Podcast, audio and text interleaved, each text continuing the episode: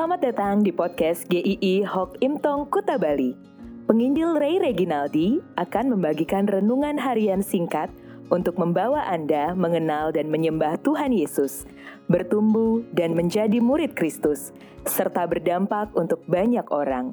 Jika Anda merasa diberkati melalui renungan ini, silahkan bagikan podcast ini agar orang lain juga diberkati. Inilah renungan hari ini.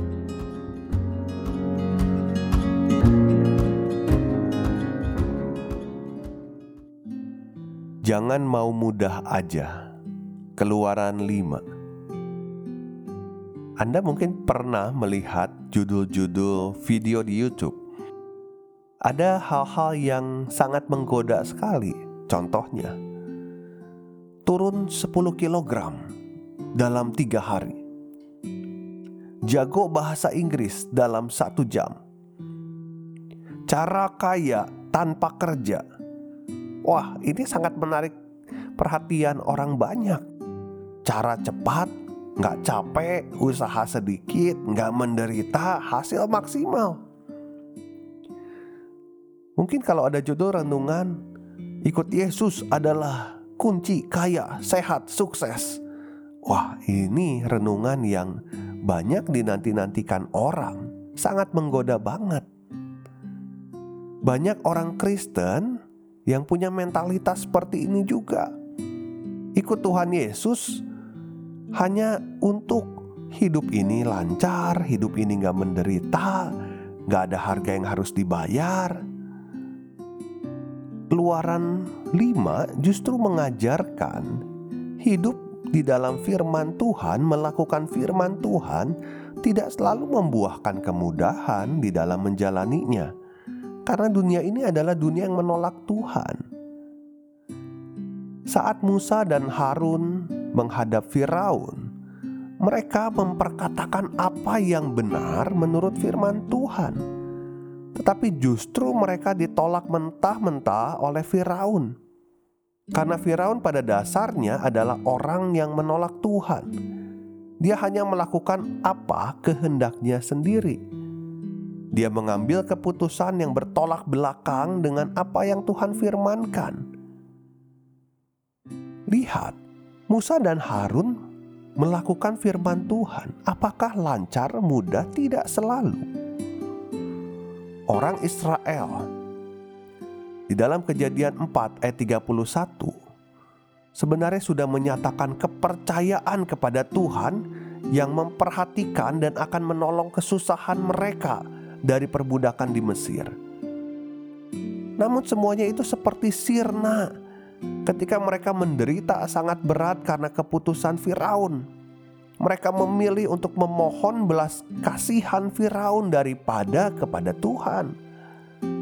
Ketika permohonan mereka ditolak oleh Firaun, mereka malah mempersalahkan dan mendoakan yang buruk untuk Musa dan Harun. Mereka tidak rela mengalami proses yang menyakitkan menuju kemerdekaan itu. Mereka tampak lebih suka menjadi budak daripada menjadi orang merdeka. Mereka tetap mau dalam kondisi mereka sedia kala, meskipun mereka menderita. Mungkin dalam benak mereka, ketika mereka dikatakan akan dibebaskan Tuhan, semuanya itu akan lancar, akan aman. Tidak, saat tujuan hidup hanya ingin enak dan bebas dari permasalahan, maka anak-anak Tuhan sering kali jadi salah fokus di mana mereka seharusnya berjalan. Respon berbeda kita bisa lihat dari Musa. Dia juga memang kebingungan dengan permasalahan itu. Dan dia pun mempertanyakan keadaan yang dialami umat Tuhan yang menderita itu. Juga keadaan dirinya yang tampaknya gagal. Tetapi dia tetap menghadap kepada Tuhan. Musa tidak pergi kepada Firaun memohon-mohon untuk merevisi keputusannya. Tetapi Musa mengambil langkah ke hadapan Tuhan walaupun banyak pertanyaan yang dia ajukan kepada Tuhan. Ketika mengikut Tuhan tidak selalu mudah, jalan terbaik adalah selalu datang kepada Tuhan. Kenyataannya, Tuhan tidak pernah meninggalkan di ayat 24 dikatakan Tuhan tetap hadir, menjawab Musa dan tetap bekerja dengan caranya Tuhan. Ketaatan Tuhan Yesus itu tidak mudah. Keselamatan yang kita dapatkan itu bukan hal yang rutin, yang mudah dijalani Tuhan Yesus. Tetapi Tuhan Yesus, dia menghadapi penderitaan yang menyakitkan, bahkan sampai mati di kayu salib, mengalami keterpisahan di salib itu. Tetapi itu membawa keselamatan kepada kita, supaya ketika kita berjalan dalam ketaatan kepada Tuhan, kita tahu kita sudah dijamin oleh Tuhan, dan kita pasti bisa melewati semuanya bersama Tuhan, sekalipun tidak mudah, dan kita tidak mengikuti dunia ini. Maka tetaplah hidup mengikuti firman Tuhan dengan setia. Jangan kompromi dengan dunia ini. Sekalipun mungkin banyak kerikil, banyak jalan terjal yang harus kita hadapi. Tetapi tetaplah setia ikut Tuhan.